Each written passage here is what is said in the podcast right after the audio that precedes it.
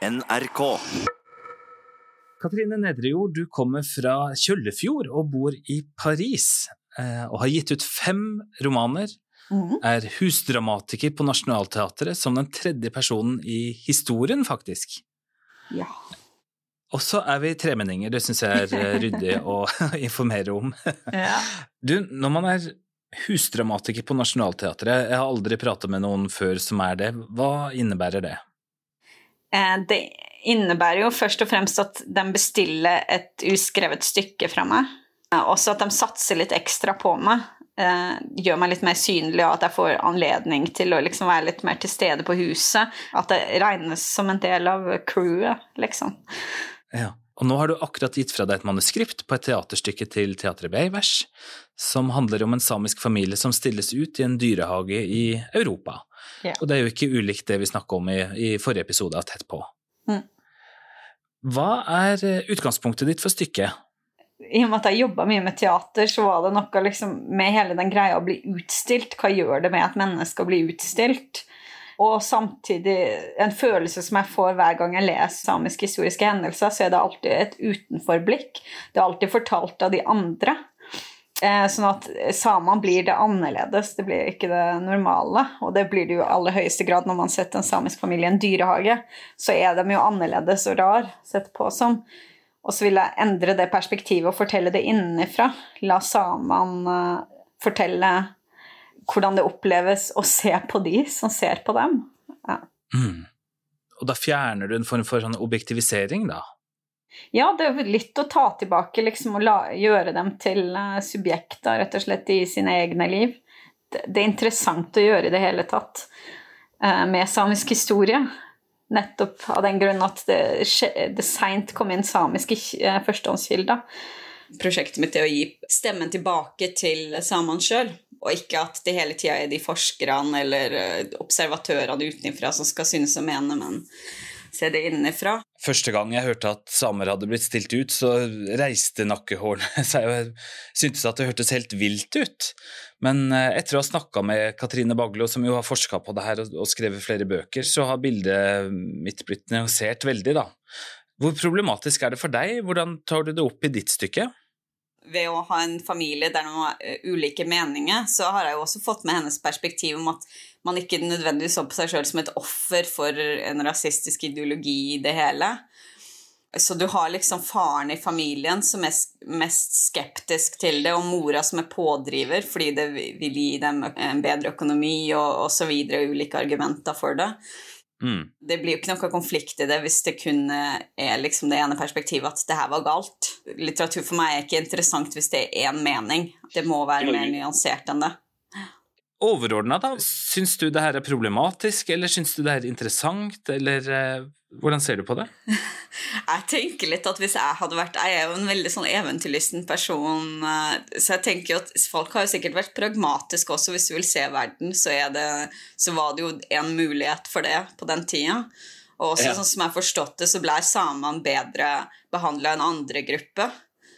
Eh, Sånn at det er kanskje mer nyansert når det kommer til samene enn det f.eks. med afrikanske folkeslag som ble, som ble lurt med på det og ikke betalt og sånn. Så var, Ja. hadde samene en litt annen posisjon i hierarkiet. Det er jo interessant i seg sjøl. Det var jo ubehag også, sånn at de noen ganger nærmest ble behandla som dyr og hadde, var innesperra. Og det er jo ulike situasjoner, selvfølgelig, fordi at det var ulike turneer, ulike steder de besøkte, ulike holdninger de møtte. Mm. Så det blir jo nødvendigvis uh, ulike opplevelser. Ja. Og du og jeg, vi har jo samme slektning som har vært uh, stilt ut i, i Budapest. Mhm.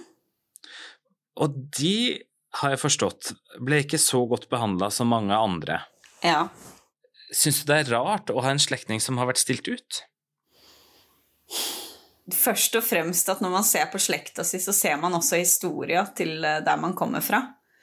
Og da skulle det bare mangle at det fantes en slektning eller flere som hadde vært på en sånn turné. På det tidspunktet så hendte det jo hyppig. Rart å tenke på, selvfølgelig, men, eh, men egentlig mer spennende eh, å se at det, slekt og sånn har vært en del av historia. Og da kjennes historia også kanskje mer relevant, at det det er ikke noe fjernt. Sånn, sånn, som jeg ofte kunne synes at norsk historie hørtes for meg når jeg møtte det på, um, på skolen, så var det veldig noe som skjedde i Sør-Norge, og var det var det som var norsk historie. Det kjentes sånn at jeg ikke kunne relatere meg på samme måte. Sånn at uh, da ble jeg plutselig Får jeg en plass i historien sammen med min slekt, da. Jeg føler jo alltid at det gir litt mer legitimitet til å skrive om det. Og jeg lar det også sånn utvikle seg underveis i turneen, sånn at den blir dårligere og dårligere behandla. Og ved å gjøre det, så setter du kanskje holdningene til de forskjellige aktørene mer på prøve. Ja.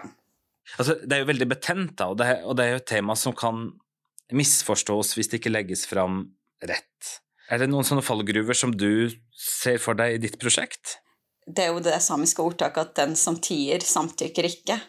Men det har ikke fått oss så veldig langt. Fordi at med å fortie og, og ikke snakke om vonde erfaringer og alt mulig sånt, så det, det, blir i hvert fall ikke bedre på den måten.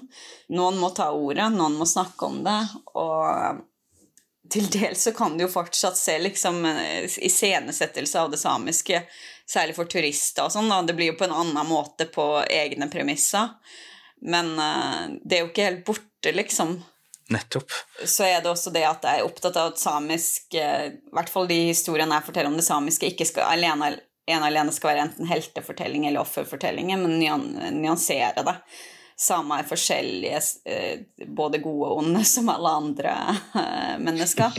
Sånn at, fordi at jeg ofte syns at man kan bli litt låst i et sånn svart-hvitt bilde, at enten så har man vært offer eller helt, men så er det litt mer nyansert enn det. Og sånn tenker jeg om mennesker generelt, og det tenker jeg hver gang jeg forteller en samisk historie, så skal i hvert fall det komme fram. Det blir ikke riktig heller å underspille det negative med den samiske kulturen. I det hele tatt, det er et prosjekt om å nyansere og samtidig løfte frem samisk erfaring og samisk historie. Eh, så har jeg heldigvis nå en sånn posisjon at jeg er husdramatikk på Nationaltheatret, så premiere her kommer eh, Beivar skal spille først, de første forestillingene på Nationaltheatret i Oslo. Sånn at da blir det en mer sånn nasjonal, forhåpentligvis, eh, bevissthet rundt det. Sånn at det også handler om å få den samiske historien ut av de samiske områdene, også ut i verden. da. Hvordan syns du den historien ser ut i dag, med de kildene som vi har tilgjengelig? Det, det, er jo litt, det er et vanskelig spørsmål å svare på sånn i, en setning eller en replikk. Det er det jeg går og grubler veldig mye på sjøl, fordi jeg tror ikke det er et helt enkelt svar på det. Men det gjør jo at jeg i hvert fall har hele tida følt at identiteten min eller tilhørigheten min er litt problematisk, fordi at det har vært problematisert eh, så mye opp gjennom historia, og til og med så til de grader at man har prøvd å liksom eh, assimilere vekk hele kulturen. Eller på den helt andre siden stille den ut som noe rart og ved siden av en løve, liksom. Så det er jo rett og slett bare at det er problematisk på mange ulike sett. For deg identitetsmessig, kjenner du deg norsk eller samisk, eller litt begge deler? Jeg er jo samisk. Og jeg er jo norsk, det vil jeg jo si i andre sammenhenger, og i andre sammenhenger igjen så vil jeg si at det er europeisk. Jeg tror det kommer litt an på konteksten. Hvis jeg sitter eh, rundt et bord med bare folk av etnisk norsk opprinnelse, så føler jeg meg mer samisk.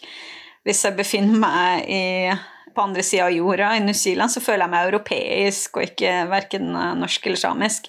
Hvis jeg er sammen med folk fra samiske majoritetsområder, og jeg er jo dårligere i språk enn dem, jeg kan jo ikke så mye samisk, så vil jeg jo føle meg mer norsk på et vis. Sånn at mm. identitet tror jeg ikke er så enkelt som at, det er det du, at du er det samme hele tida, men at At det er dynamisk? Ja. I Paris, da? I Paris er jeg veldig ofte samisk. Hvis du spør eh, mine, mine venner her, så fungerer jeg litt som et, sånn et PR-byrå for eh, Sápmi. Jeg vil gjerne skal reise på besøk og se det. Ja. Og jeg har til og med ført til at en venninne av meg som er teaterregissør, har satt opp samisk fortellerteater for barn i en av de forstedene her til Paris. Jeg er veldig stolt av den samiske kulturen, da. Og du er en god eh, kulturambassadør òg, skjønner jeg da? Ja, jeg mener jo at hvis man skal kjempe den samiske sak, så må man først gjøre den kjent. Her er den jo ikke kjent, da. Hvis at noen skal se verdien i å beholde en kultur, så må man jo vise at det er noe å beholde. Hva er det for noe? Bli kjent med den. Mm. Opplever du at Sápmi er i endring? Ja. Bare det her med den fortielseskulturen som er, har mykna opp, at uh, for det, Fortiing har jo også vært Det har jo ikke bare vært en samisk greie, men også en norsk greie, vil jeg si, at man beit i seg det vonde. Uh, det at nå liksom de yngre generasjonene både er stoltere og modigere tør å si og snakke om uh, ting, det, det gjør at kanskje man endelig får til å, å rette opp i urett også det som pågår akkurat nå. Og så tenker jeg at sånn sett så er internett også demokratiserende, sånn at det gjør det ikke noe om du sitter i Karasjok eller i Kautokeino eller eh, for så vidt på, i de sjøsamiske strøkene og mener noe. Eh, for du kan bli hørt eh, i mer sentrale strøk også via internett. Nettopp. Du, I forhold til det du nevnte, identitet er jo, dynamisk, og det er jo litt avhengig av, av kontekst, blant annet, som du nevner. Mm. Er det problematisk på et vis? Er det, er, det noe, er det, noen mekanismer som gjør at man kjenner seg mindre hel? Skjønner du hva jeg tenker på? For min del, absolutt. I min slekt og sånn, så ser ikke de som er født og oppvokst i Karasjok eh, på oss som ikke er det, som mindre samiske i det hele tatt. Men jeg møter jo ofte på det motsatte. Både fra nordmenn og samer som skal fortelle meg at jeg er halvt samisk, selv om pappa også har samisk bakgrunn. Men han telles ikke like mye som samisk som mamma som kommer fra Karasjok. Eh, det er liksom noe med den målinga.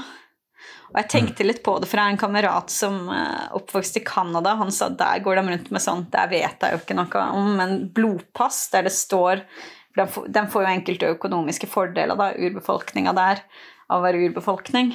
Eh, så en går rundt med sånn pass der det står prosentandel, hvor mye du er eh, av eh, urbefolkning i blodet ditt. Og det, sånne ting gjør meg skikkelig stressa. At folk skal måle det på en prosent Ja. Ah. Jeg skjønner hva du mener, for jeg har um, i alle år sagt at jeg er halvt halv samisk, halv same. Og det gjorde jeg altså inntil jeg traff uh, min samboer for noen få år siden. Mm. Og hun sa til meg vet du hva, du er, du er, ikke halvt samisk og halvt norsk, du er jo helt samisk og helt norsk. Ja. Og de få ordene som hun ga til meg der, det fungerte som terapi. altså for man, Jeg klarte å senke skuldrene på en helt annen måte i forhold til hvem man sjøl er. Ja, og jeg tror ikke folk mener noe vondt med det. Men jeg, eh, er også liksom i voksen alder kommet mer til det der med å dele seg opp i så mange brøkdeler og prosentandeler. Det tror jeg ikke er sunt for noen. Og jeg skriver jo om akkurat det her. Da. Jeg har veldig lyst til å skrive en bok om, eh, om samisk identitet og det er problematiske med at omgivelsene og det tror jeg ikke bare er samer, det tror jeg er veldig mange minoriteter som føler på det, at man ikke er noe nok. Kan man ikke få lov til å bare være det man er, liksom? Mm. Og definere det sjøl. At det alltid er noen som kommer folk utafra som skal fortelle og måle og ja. ja. Du, i fjor ga du ut en bok som heter Forvandlinga. Mm.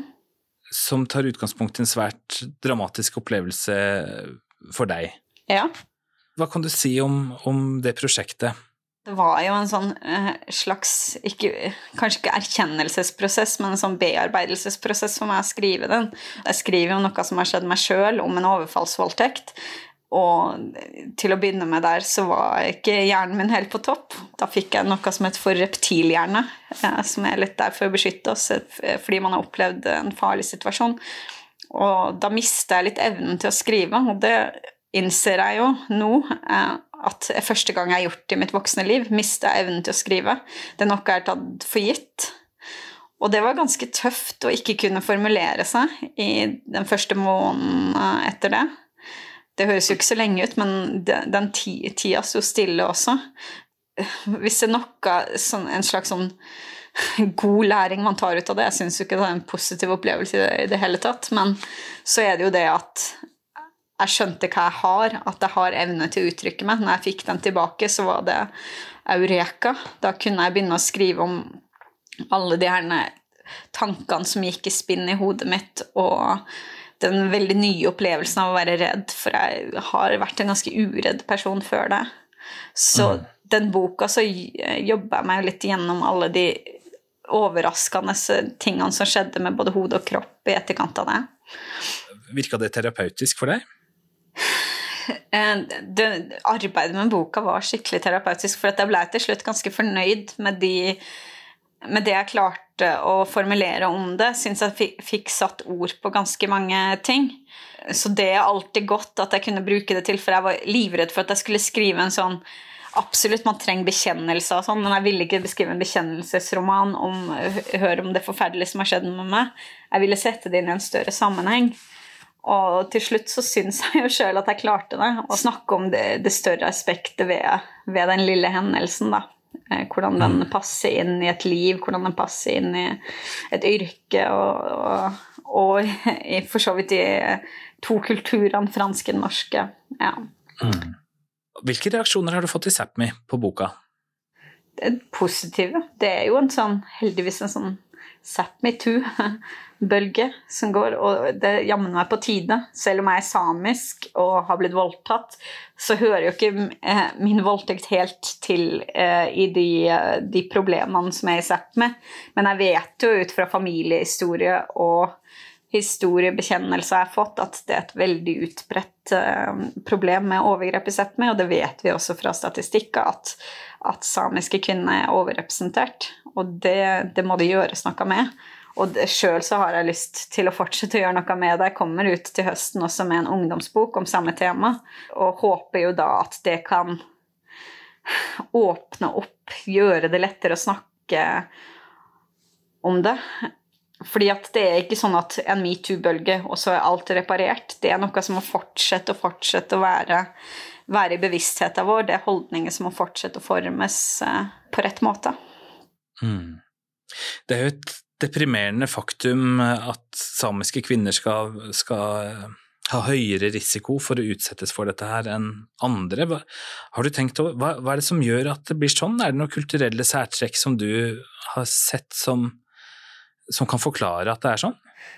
Jeg tror ikke det er noe spesifikt med den samiske eh, kulturen, men jeg tror også det henger sammen med litt andre statistikker som viser at samiske levekår generelt er på et lavere nivå enn norske, for det ser man jo at kulturer som eh, holder seg på et lavere sosioøkonomisk nivå, har høyere omfang av overgrep og vold, som regel. Da, uten at jeg, jeg har jo ikke sett all verdens statistikk på det, men det er i hvert fall en tendens den veien. Sånn at jeg tror ikke Selvfølgelig det kan være en macho-tendens, og det kan være enkelte ting i læstadianske miljøer, f.eks hang til fortielse og sånn. Men jeg tror ikke det er noe sånn spesifikt samisk som tilsier at noen skal bli en overgriper. Jeg tror det handler om mange ting samtidig. Og jeg tror at det går an å gjøre noe med. Jeg tror ikke det må fortsette å være sånn. Det er ikke fryktelig lenge siden at det var mange som som skamma seg over å være ja. samisk. Og, og, det er fortsatt noen som har det sånn, som syns det var trist. Man har eh, lagt lokk på det, man har ikke gått ut og sagt. Eh, vi, er, vi, er, jo en helt annen tid nå, heldigvis. Mm. Det virker jo ikke som du har lagt skjul på at du er samisk. Jeg har nok underspilt det i begynnelsen av karrieren. Jeg, jeg merker at nå er mye mer sånn uh, offensiv, fordi jeg tror det betyr noe om så for ba samiske barn og unge å se at en som er samisk, eh, skriver og Ja, altså Jeg ser mer viktigheten at, av at eh, jeg sier at jeg er det. Eh, at det kan bidra til stolthet. Jeg har skamma meg masse også. Jeg syns det var skikkelig tøft å ta på seg kofte når jeg var tenåring. Den har jeg også følt på, men jeg føler på noe helt annet nå. Og jeg kan huske liksom Enda huske de første gangene jeg ikke ble møtt med enten liksom latterliggjøring eller negativitet da jeg sa at jeg var samisk. At folk var interessert i det på videregående. At jeg hadde en norsklærer som var bare sånn Har vi en same i klassen? Nei, men da tar vi eh, en måneds prosjekt der vi bare skal ha om samisk kultur og litteratur. Jeg husker liksom eh, hvor overraskende det var at det plutselig var en ressurs, at det var noe fint med å være det. Og så har det jo heldigvis balla på seg med positive opplevelser. Men hvor var det, da? Det her var i Tønsberg. Jeg var veldig vant til da fra, fra ungdomsskole og sånn at det var litt mer sånn spøking, tullejoiking og alle sånne ting som bidro til at jeg følte litt sånn her Jeg har ikke lyst til å være en vits. For all del, man kan tulle med å være same, vi gjør det kjempemye innad i familien, men det føltes litt rart og litt ekkelt når det kom fra folk som ikke hadde respekt eller interesse for kulturen i utgangspunktet. Eh, som det eneste følelsen de hadde for kulturen, var at det var latterlig. Ha-ha, klovn, liksom, nærmest. Det kommer jo av at samer var underrepresentert, og ofte liksom med sånn stereotypiene med, med fyll og rare små ja, det, det, var en stereotypi der som var litt sånn eh, tøff å forholde seg til. Men mm. de tingene Det er veldig endra. Det er mye mer sånn et mer, mer vidtfavnende eh, begrep om hva det samiske er i dag, for det er mange flere representanter. Men det er jo ikke så mange år eh, det, det her har endra seg på, da? Nei, heldigvis. Ja, jeg tror generelt liksom at urbefolkning verden over i hvert fall i liksom land, vestlige land, har liksom blitt mer verdsatt de siste årene. Man ser at de historiene har en verdi. At det ikke er bare noe, ikke noe annerledes, men at det har en verdi i seg sjøl. Hmm. Da jeg vokste opp i Kjøllefjord, så var det jo ganske Der var, der var ikke det samiske latterlig, det var farlig, nærmest. Der var det mye sånn samehat på den tida. Eh, der ser jeg kjempeforskjell i dag. I dag så eh, går folk med kofte på 17. mai der. Det var jo bare oss eh, på den tida når jeg bodde der. Samehatet kom jo fra folk som var, hadde samiske aner sjøl. Hva besto det hatet i, da? Hvordan kom det til uttrykk? Nei, jeg husker det var en fyr som gikk i klassen min som sa 'kommer det en same hit', så, så tar jeg pappa sitt jaktgevær og skyter ham. Så det var jo ganske sånn Det var ikke noen sånn subtile greier som jeg følte på. Det var ganske tøff. Og så sa, så sa, jo jeg sånn Ja, men hva med meg, da? Du er jo vennen min, jeg er samisk. Ja, men du er ikke sånn som dem. Eh.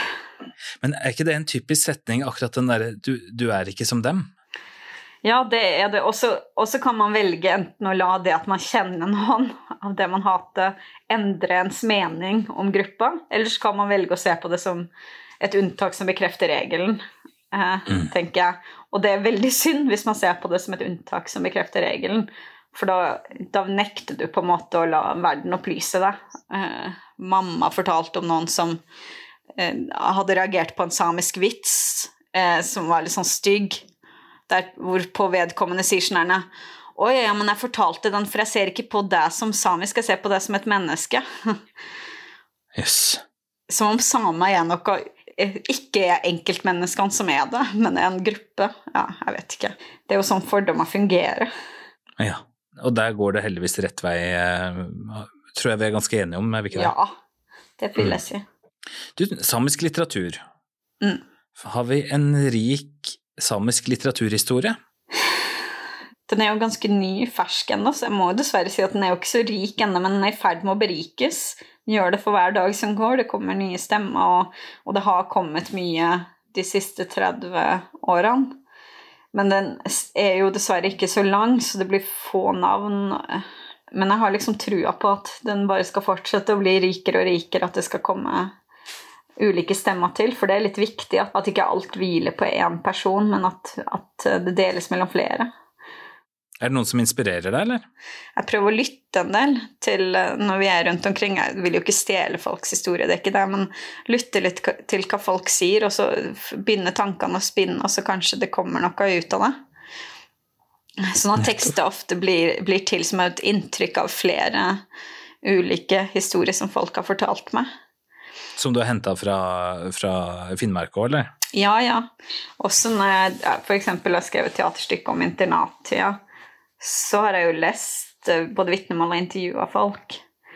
Og så blir det jo ikke helt den enkeltes historie, men det blir en men det blir ikke usant heller, fordi at det er sammenblanda, og så må man bearbeide virkeligheten litt for å gjøre dem til litteratur. Jeg er jo ikke sakprosaforfatter heller, men, men jeg, jeg syns såkalte vanlige folk uh, sine historier er, er interessante. At det er mye drama der alene. Du trenger ikke å trenger ikke å leite så lenge for å finne, finne noe som har dramatisk potensial. I hvert fall ikke i samisk historie. Du møtte Katrine Nedrejord, og jeg heter Svein Lian. Dette er Tett på fra NRK Sápmi. Programmet er produsert for radio og podkast av 1 til 1 Media.